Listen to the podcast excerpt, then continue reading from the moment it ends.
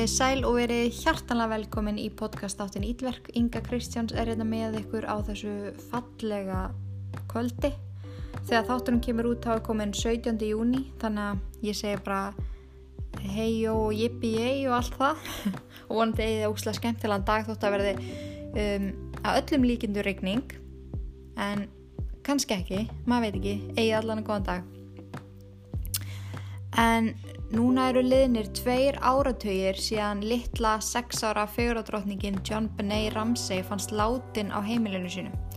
En þetta er eitt mest umbeðnasta mál sem að ég bara veit um síðan ég byrjaði með ílverk. Þið verða afsakað að rötti mín er eitthvað tæp.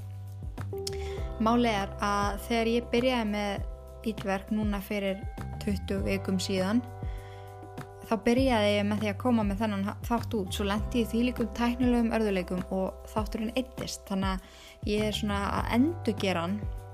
Og það skemmtilega við þetta er að ég er búin að horfa á svo mikið að staffi síðan ég tók hann upp þá. Þannig að það koma inn örgla mörg ný dítil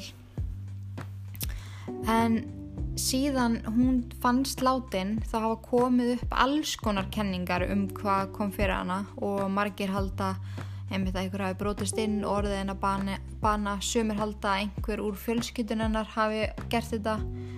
Og málega bara þannig að enn í dag þá veit í rauninni enginn hvað kom fyrir hana. Og eina sem maður veit er að þetta mál er bara ógeðslega perrandi og stórfyrðilegt og meikar ekki sens á neitt nátt þetta er bara svona mál þar sem maður verður bara perrar alveg eins og með Madeleine McCann málið maður, þú veist, að þetta er lítið barn og maður verður svo perrar geta ekki gert neitt. Manni finnst þetta eitthvað svo obvious en samt ekki, fattuði mig.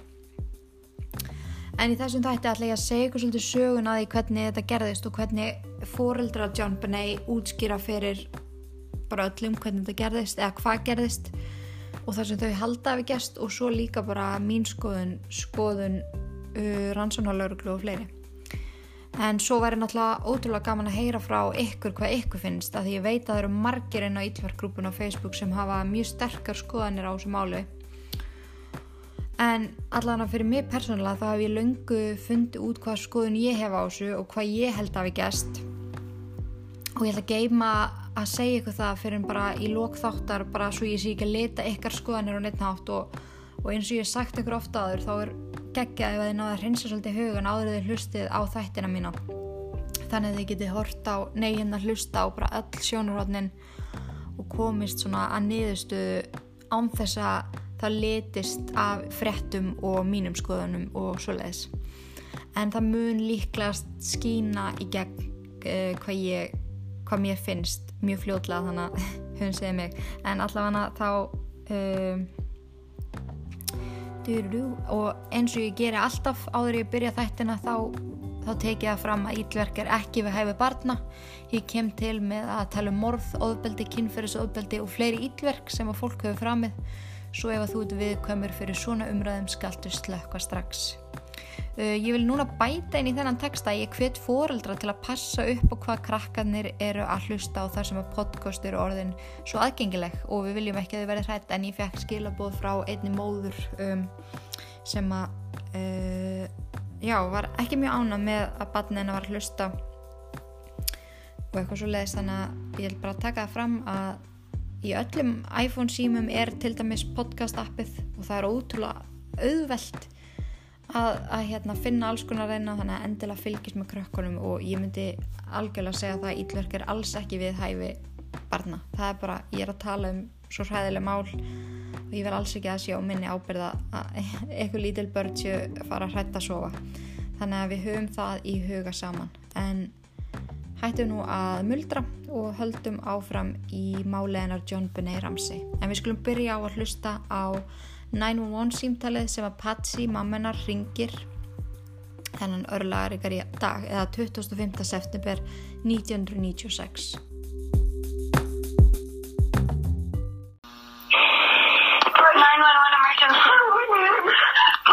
What's going on there, ma'am?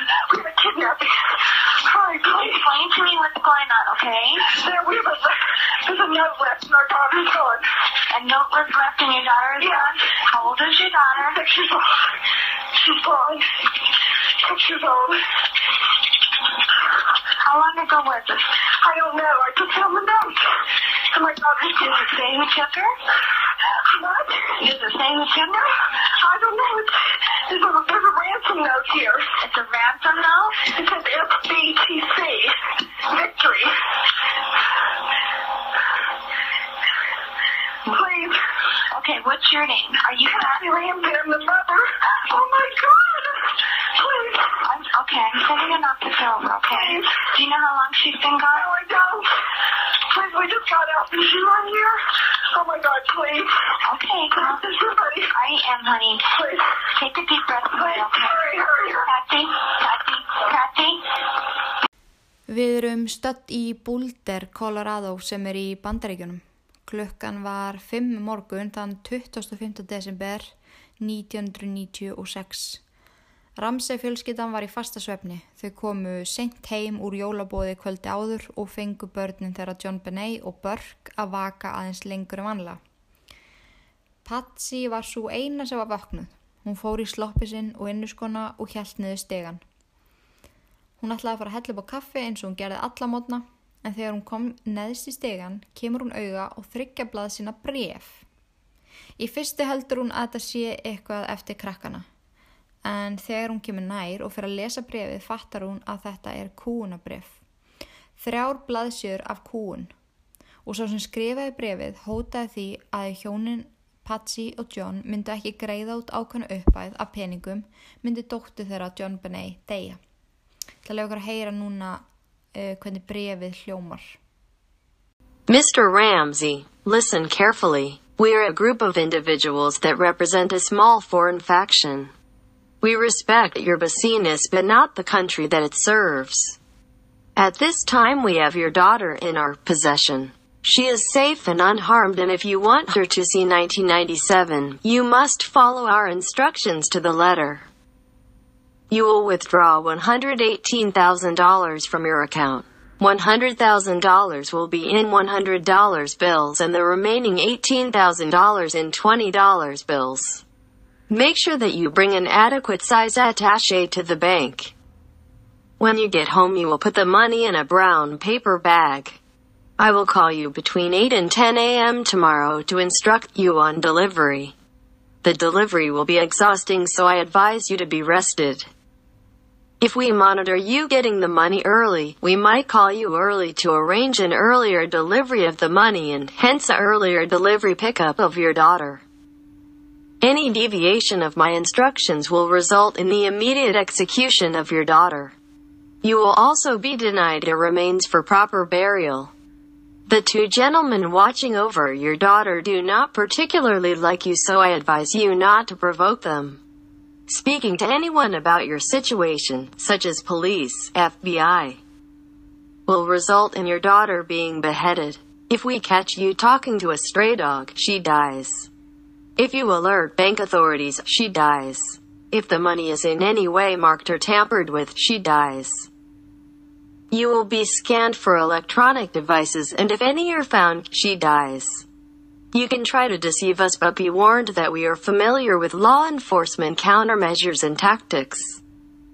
You stand a 99% chance of killing your daughter if you try to outsmart us. Follow our instructions and you stand a 100% chance of getting her back.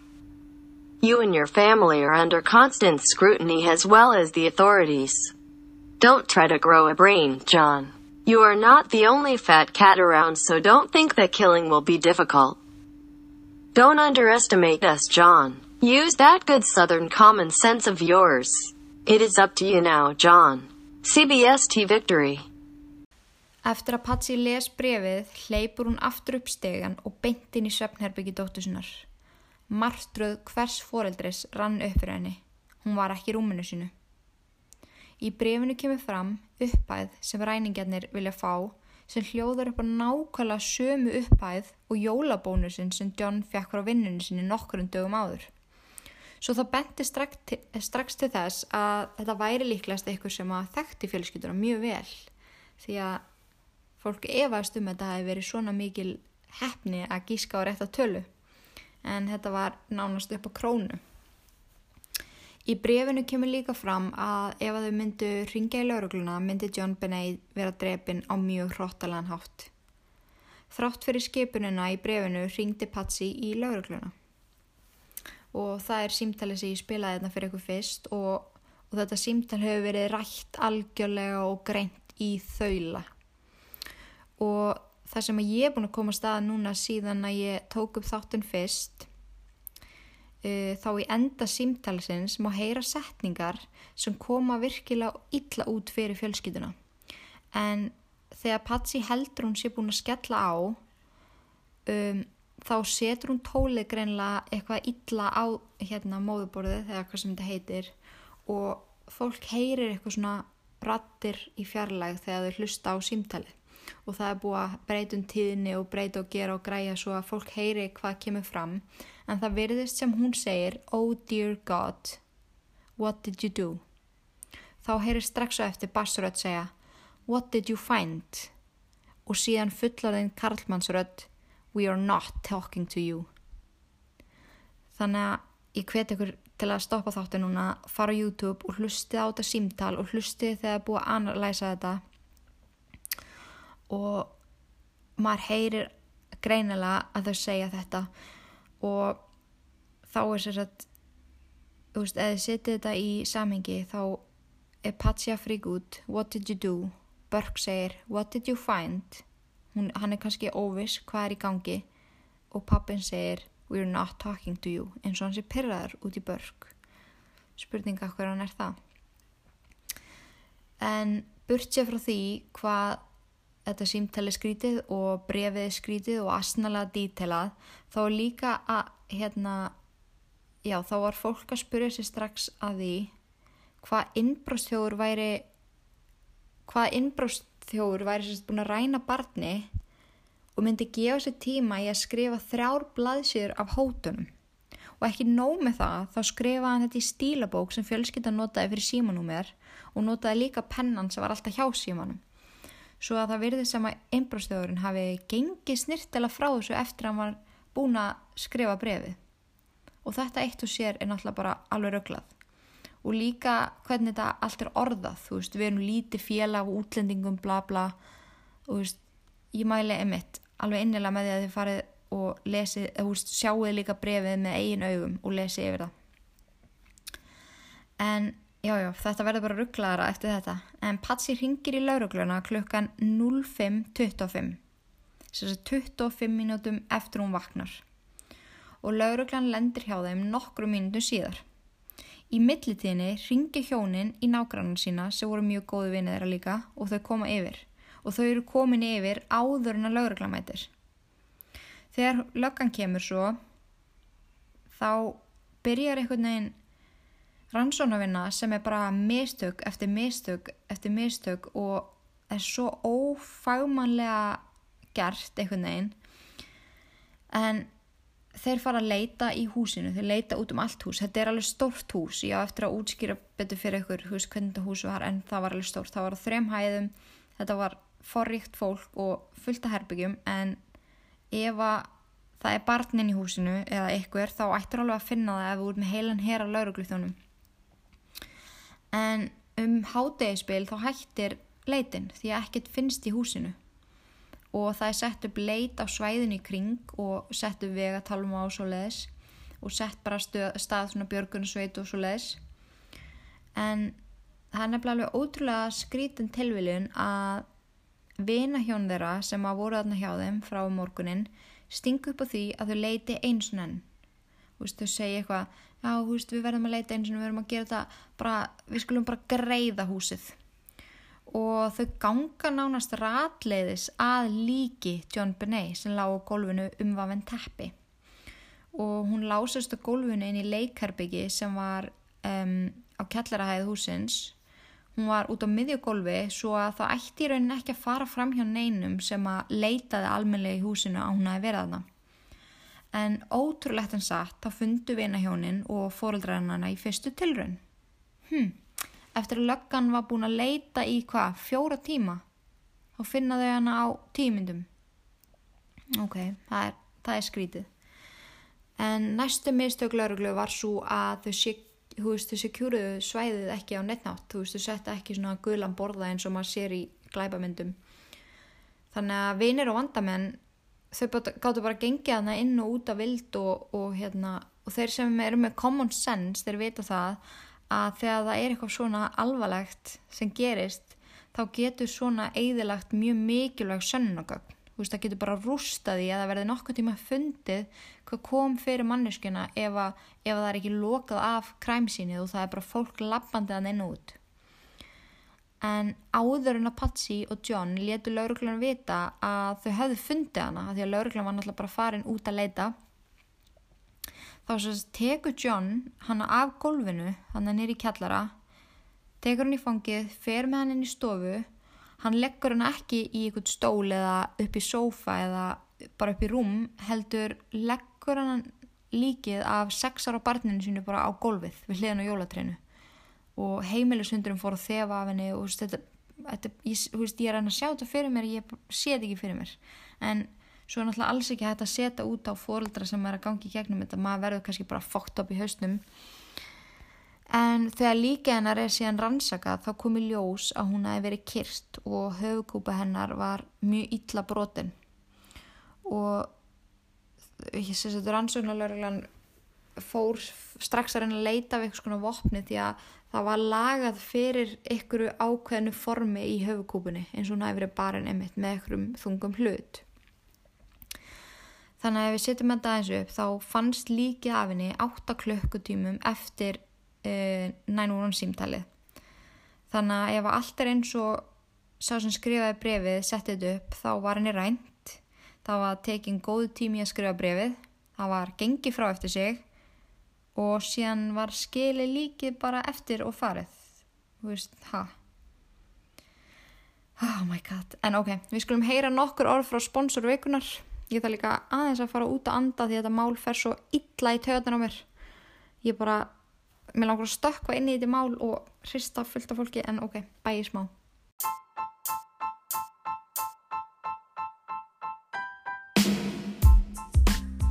Vissið þú að með kóðanum Inga Kristjáns fær þú 15% afslátt af öllu inn á línbóti.is? Þú getur líka kíkt í heimsókn í nýja glæsilega veslun þeirra að síðumúla 8 og fengi góða og faglega aðstóð og ráðleggingar um hvað þið vantar og fengi svo líka 15% afslátt við kassan með kóðanum Inga Kristjáns. Ég, hver er þessi Inga Kristjáns eiginlega?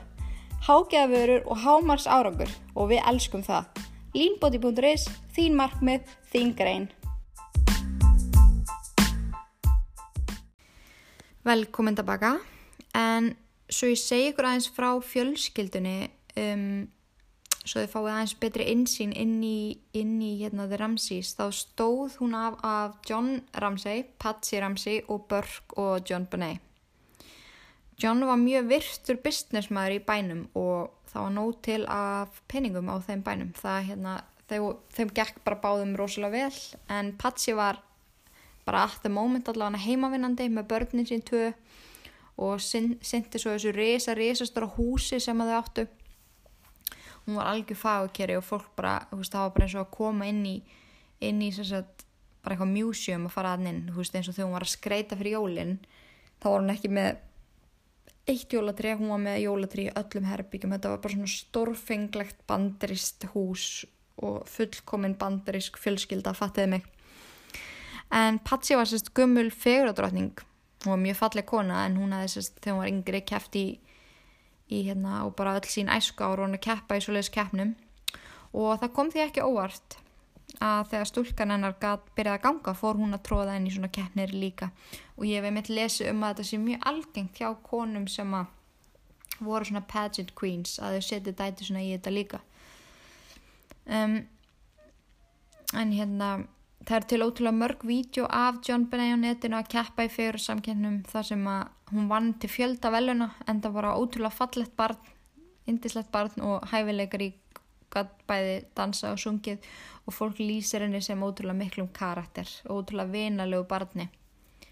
En vinir fjölskyldunar segja í viðtölum að svona eftir, eftir þetta allt saman að Patsy hafi svo innilega verið að lifa draumin í gegnum dóttu sinna. Hún hafi litað á henni hárið.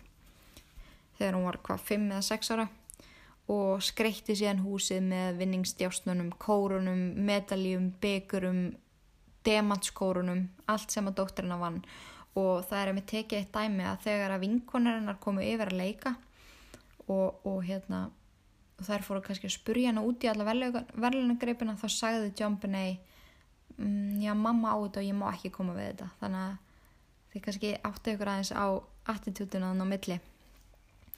En Börk var áttara og hann var miklu miklu meiri svona introvert, hann saði ekki margt og hafði bara einstakt dálæti af til dæmis hjártbrutalestum, hann, hann var svolítið svona obsessiv týpa las og las og las og hérna lagði hluti á minnið og út á við þá lituðu út fyrir að vera einmitt eins og ég sagði fullkomin amerísk fjölskylda sem að skort ekki neitt og hafði bara they had it all eins og er alltaf sagt en vegna þess hversu ótrúlega efni þau voru komu upp sögursagnir um að þau hefðu átt við gangmála þegar koma leitt dóttu þeirra. Hvort þau hefðu borgarlauruglunu fyrir að finna hana ekki og lefa þeim að finna hana frekar innan gæsalappa og eigðalegja kræmsinnið hvort að það hafi verið eitthvað plana og mjög snemma í ferlinu mitt fór fólk að gruna þau.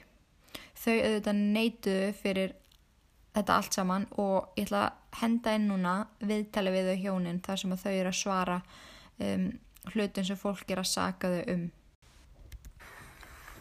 To those of you who may want to ask, let me address very directly, I did not kill my daughter John Bonet. Uh, there have also been innuendos that she has, has been or was sexually molested. I can tell you those were the most hurtful uh, innuendos uh, to us as a family. Uh, they are totally false. Uh, John, Bonet, John and I had a very close uh, relationship. Uh, I will miss her dearly for the rest of my life. I'm Patsy Ramsey, John Bonet's mother, and I'm grateful that we are finally able to meet together face to face. I'm appalled that anyone would think that John or I would be involved in such a hideous, heinous crime. But let me assure you that I did not kill Jean Benet. I did not have anything to do with it. I love that child with my whole of my heart and soul. Mr. and Mrs. Ramsey, what do you want to say to the killer of your daughter? We'll find you. We will find you. I have that as a sole mission for the rest of my life. Mrs. Ramsey? Likewise, the uh, police and investigators have assured us that this is a case which can be solved. You know, you may be eluding the authorities for a time, but God knows who you are, and we will find you. I think one of the issues that uh, was distressing to us, and it, it perhaps caused some bias uh, of opinion, is why did we bring lawyers uh, into this uh, process early on? And I can tell you both how that happened and, and why it happened. Uh, the how uh, is that on the day after the tragedy, we were being consoled by friends and family and um, a close friend of mine, who was also a, a practicing attorney, uh, took me aside and said, John, I see some things developing here that uh, uh, I would like to ask your permission to do some things that I think are necessary to be done. And I said, fine, do it. And so he uh, retained counsel for, for Patsy and I. And uh, we later learned, uh, and really later was really the next few days, that the reason he did this is that, uh, sadly for our country, uh, most uh, the tragedies of this nature, uh, the, the, killing of a child, uh, apparently in, in, the majority of cases are family related. And I think that's a, that's a, that's a tragic statement for our country. But because we were the parents of John Monet, we were automatically uh, put in the suspect pool. And so to not have uh, knowledgeable counsel, uh, uh, my close friend felt would be foolish. now, we also, at that time, uh, as a parent, I looked at uh, retaining of attorneys. Uh, we also brought in a, a, couple of investigative firms, some experts uh, uh, that we assembled.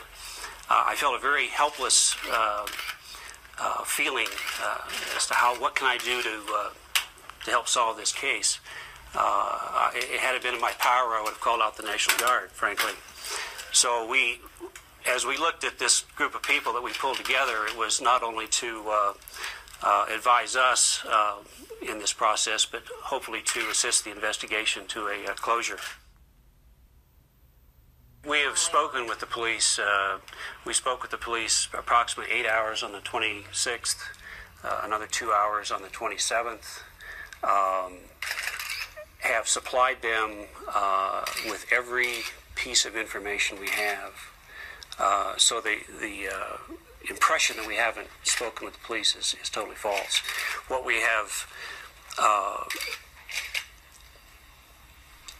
what has been delayed, uh, has been this formal interrogation of us as suspects, and frankly, we uh, were. as you might imagine, insulted that we would even be considered suspects in the death of our daughter. And um, felt that an interrogation of us was, was a waste of our time and a waste of the police's time, but because they have to do this, we, uh, we're willing to do it, but uh, not under uh, any circumstance that uh, was presented to us. You know, we would like to think that we don't know anyone that we have ever met in our lives who could do such a thing to a child. You know, but they talked with us and said, please tell us names of people, you know, who may have been in your home at any time. You know, just we just outpoured information just as much as, as we could try to remember. But you know, no one specifically came to mind. I mean, you can't imagine such a horrible thing ever happening, much less somebody that you may know. You know, at first we were um, shocked uh, and then outraged, and then we understood statistically uh, that's a, a, sad state of affairs. That that's apparently in the majority of cases like this uh, in our country, uh, family members or parents are ultimately involved, and um, um so we accepted uh, being uh, suspects, but. Um, what concerned us, uh, and, and certainly still does concern us, uh, uh, at least up till yesterday, is that um, any time spent looking at us is time that's wasted. And, uh, and that in part is why we brought in an investigative team as well, too. An arrest is absolutely necessary in our lives for closure. Uh, our lives cannot go on the same uh, as they might have had JonBenét still been here. But I know uh, how I feel today, and that uh, an arrest must be made for us to, to go on with some semblance of a life and, and hope for the future. Yeah. One of the things that we would, one of the reasons we ask you all to be here this morning is that we need your help from this moment on. I know you have been diligently covering this case and we have appreciated some of what you've said. I have to be frank, not all of what you've said. But we need to all work together as a team, and we need your help. Some of you may have seen um, the ad that we placed in our local Daily Camera newspaper this past weekend. This reward money has been offered since the death of JonBenét, but we felt like it wasn't getting out to the public enough. So this ad um, with her most recent kindergarten picture will be appearing more and more frequently. And what we want to let everyone know is that this $100,000 reward is for information leading to the arrest and conviction of the killer of our daughter. We feel like there are at least two people on the face of this earth that know who did this, and that is the killer and someone that that person may have confided in. And we need that one phone call. We need the one phone call to this number that will help the authorities come to a conclusion to, to this case. Please, please, if you know anything, I beg you to call us. I would absolutely want the most severe penalty that could be brought.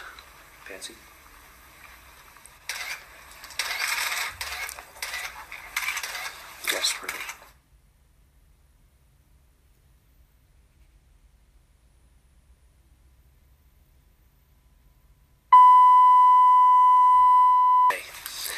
Uh, there have also been innuendos that she has Are you aware of these different theories that are out there? Theories that you killed your sister, theories that your mother killed John Bonet, and theories that an intruder killed John Bonet. Those seem to be the three camps that people talk about. Yeah, I mean, I've, I know that we were suspects. I didn't, I didn't know they were camps, I guess. And these are people that post online. The shorthand is RDI, Ramsey did it, IDI, the intruder did it, or BDI, Burt did it. Do you know the theories that they set forth in saying that your mom killed John Bonet? I don't know the details, but I know the ransom note, they think the handwriting match. Have you seen it? Have you read it? I don't think I've read the whole thing. I've definitely seen pictures of it, though. Did the handwriting look familiar to you at all? Had you Uh, seen it ever before? No. I feel like the listen carefully is very distinct, and I've never really seen that. I don't know. I've never really looked at it closely because I'll see it and kind of get taken aback, and it's not something I really want to look at like a lot, you know. Right. Does that look like her handwriting? Honestly, looking at that, she would always bug me about having good handwriting, and she would like make me rewrite stuff to try to get me to have good handwriting, and I think it's too sloppy. En fjölskylda neita í langan tíma að tala við lauruglu og gefa official statement en þau hekuð ekki við að koma fram í öllum sjóasviðtölum og lofa heiminhái fyrir fyrir þann sem að gætt komið með eitthvað vísbendingar og voru einhvern, þau voru einhvern veginn á öllum sjóastöðum stöðum bara alltaf. En það hefur aldrei verið fundið eiganda, eiganda, segjum það, eiganda DNA sínana sem var tekið sérst úr nærfötunum hennar John Bonet en það voru ummerki um misnótkun en í nýjustu rannsóknum sem eru síðan 2016 þá fundust tvö DNA síni og það er hægt um, að réttlæta þessi DNA síni með því að ef þú kaupir nýjar nærbuksur og þú ferð og lætur taka DNA síni úr þeim þá er sjens að það finnist DNA síni úr fólkinu sem er að vinna í verksmiðinni. Ég veit að það er ógeslegt að hugsa til þess en það getur gæst sérstaklega hjá svona fyrirtækin þar sem allt er alveg auglúslega fjöldaframleitt og það er bara færibönd og fólk er að pakka, þú veist, kannski bara var einu sinni ykkur ein, ekki vettlingum, fattiði mig. Þannig að það gæti mögulega verið málið og af því að það var parað saman DNA sínin við bara alla afbróta menn bara sko í bandaríkjunum nánast en kannski ekki alveg en, og það fannst ekki neitt, þú veist þetta paraðist ekki við pappan eða neitt þannig. Þannig að veist, það er alveg pæling og það er ekki ennþá komið í ljós veist, hva, hver á þessi DNA síni en svo ég sumi upp svona svolítið mína kenningu og ok, þetta er ekki mín kenning þetta, þetta er kenning sem var í, í dokumentarinu sem ég horfði á og ég er bara algjörlega algjörlega sammála, ég trúið í hjartanu að þetta sé lang lang líkast sannleikanum. En ég held að það hefði komið heim um kvöldið. John Benet var sofandi alveg eins og þau sögðu. Hún löð upp í rúm, hún fór í náttutun og svona. Börk fer til mömmu sinnar og segist vera svangur sem er svo algengur hlutur hjá 8 ára börnum Hún gefur honum ananas, í því kemur John Bennett niður og fer eitthvað að bakast í bráðusunum og segist vera söng líka, bara alveg svo sískinni gera. Hún stelur á honum ananasbytta sem að finnst þú í maganum á henni í krupningu. Hann snöggreiðist, hann snappar, hleypur eftir henni, grípur vasaljósið, slæra hann í höfuðið. Þegar Patsy og John fatta þetta er pottit annað þeirra sem að vill ringja á sjúkrabíl og mig grunar þessi Patsy. Ég held að hún hefði panikað og vilja ringja á sjúkrabíl eða laurugluna. John hins vegar og hans status í samfélaginu var honum of mikilvægur til þess að missa barn og mögulega láta taka af sér hitt svo hann kemur með að plan að láta þetta morð eða sleis lúka eins og ykkur hafi brotist inn. Og þegar þið hlusti á 911 símtalið þá er John Benet búin að vera dáin í 8 fokking klukkutíma. Tökum smá bara tíma og, og meldum það. Hún er búin að vera dáin í húsinu í 8 klukkutíma. Ef þetta er rétt og þá vissu þau af því og það er sick. En þetta er svona þegar þú fyrir nægan tíma til að plana það sem þú ert að gera. Þau ræða að potið í þaula hvernig þau ætla að gera þetta og þið heyrið það líka í símtælinu hvað Patsi er mikið að leika. Og, og, og mér finnst það, mér finnst þess að hún sé ótrúlega mikið að leika. Lú, reyna að lúka eins og paranoid kona. Og takið eftir því að hún kallar dóttir svona aldrei á nafn. Um, sá sem svarar henni þarf að spurja hvað barni heitir og hvað hún er gömul. Hún segir alltaf she og hún segir alltaf I am the mother og þegar hún heldur hún sé búin að skella á eins og ég sagði ykkur aðan þá heyrst hún tala ótrúlega rólega við eitthvað fólk í kringu sig. Svo þessi æsingur er hann lúkar allan mjög mikið bara eins og leikarskapur en þarna var hún búin að skrifa brefið í blokkina sína með pennanu sínum. Hún skrifaði allan tíman enda bref það er bara, fer ekki millir mála. Og meðan fór John og setti upp kræm sínið batt bandi um hálsin á dóttur sinni bjóð til þetta skátudót sem átti að vera það sem að nota til að kirkjana kom fyrir töskunni og leta þetta lúka eins og inbrott og þetta var í rauninni bara að mínum að þetta er eitt stóri leikþáttur til að hilma yfir lífi svona síns. Og þetta er það sem ég finnst. En ég vissum að þar sem lauruglufókitinn var besti vinur John hafi honum verið mútað eða borgað góða summu fyrir að þykjast ekki finna hana. Og það er ekki tilviljun að vinur Johns og John hafi fundið hana undan öllum hinnum eftir að hinni voru búin að leita í alla þessa klukkutíma. Veist, eins og ég segi, þau voru búin að fá 8 klukkutíma til að skipulegja þetta og plani hefnaðist líka bara svona brilljantli því að enn í dag þá veit enginn hvað kom fyrir hana. Það veit enginn. En þetta mál hefur svo ótrúlega margar hliðar og margar áhugaverða pælingar og conspiracy theories. Þú veist, það er actually þannig að, að það eru aðilararn úti sem að halda að þetta sé bara allt leikarskapur, þetta sé bara eitthvað stönd en ég er bókstala búin að lesa alla bækur, lesa öll blogg horfa á allar myndir sem er mögulega eru til um þetta mál og ég er búin að hafa þetta einhvern veginn á heilanum bara sem ég heyrði um þetta fyrst. Því að þetta er svona mál sem að er einmitt eins og ég sagði ótrúlega obvious en samt einhvern veginn ekki. Og auðvitað vill maður ekki trúa því að fóreldrar geti gert svona lagað en mér finnst persónulega eins og það sé ekkit annað sem meikar sens. Börk ætlaði aldrei að drepa sýstu sína, hann bara var lítill strákur og fó, þau fór að rífast og guð mig góðu hvað bróðu minn landi mig oft með aksjónköllum í hausin og bílum og okkur svo leiðis og það er bara staðrind að stundum fara slag, eða, veist, svona reyfildi sískina svona, ekki endilega í dauða, veist, ég held að það sé ekki mjög algengt en veist, maður hefur alveg heyrt um slis og maður þarf að fyrir bara slis og fá nokkra sauma að því að hann tjúlaðist að því ég var inn í herbyggin hans fattiði mig. Þannig að ég, ég vissum að þetta hafi ekki verið ásættur ráði. En spáði líka í því að kannski hefði verið hægt að bjarga henni ef að John hefði kynnt helviti stoltinu í staðin fyrir að ganga úr skugga um að hún fengi aldrei réttlæti. Ég last aldrei eins við þessa setningu. Mér finnst umulegt að John Benet Ramsey fái aldrei réttlæti.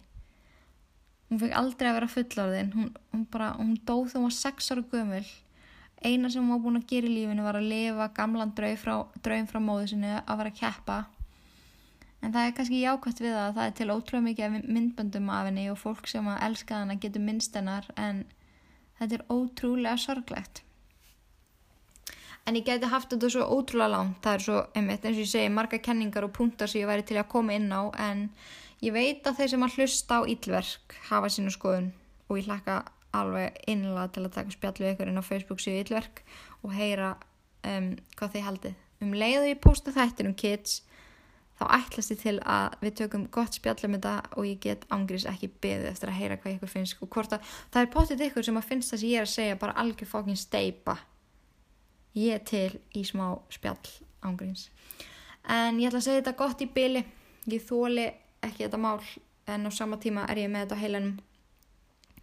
Og ég þóli líka bara ekki að sé þú veist, óleist og mér hefur oft dreymt ángríns, mér hefur bæðið dreymt um það að vera aðilinn sem að finnur matalum að kann og bara leiðir hana til fóröldra sinna.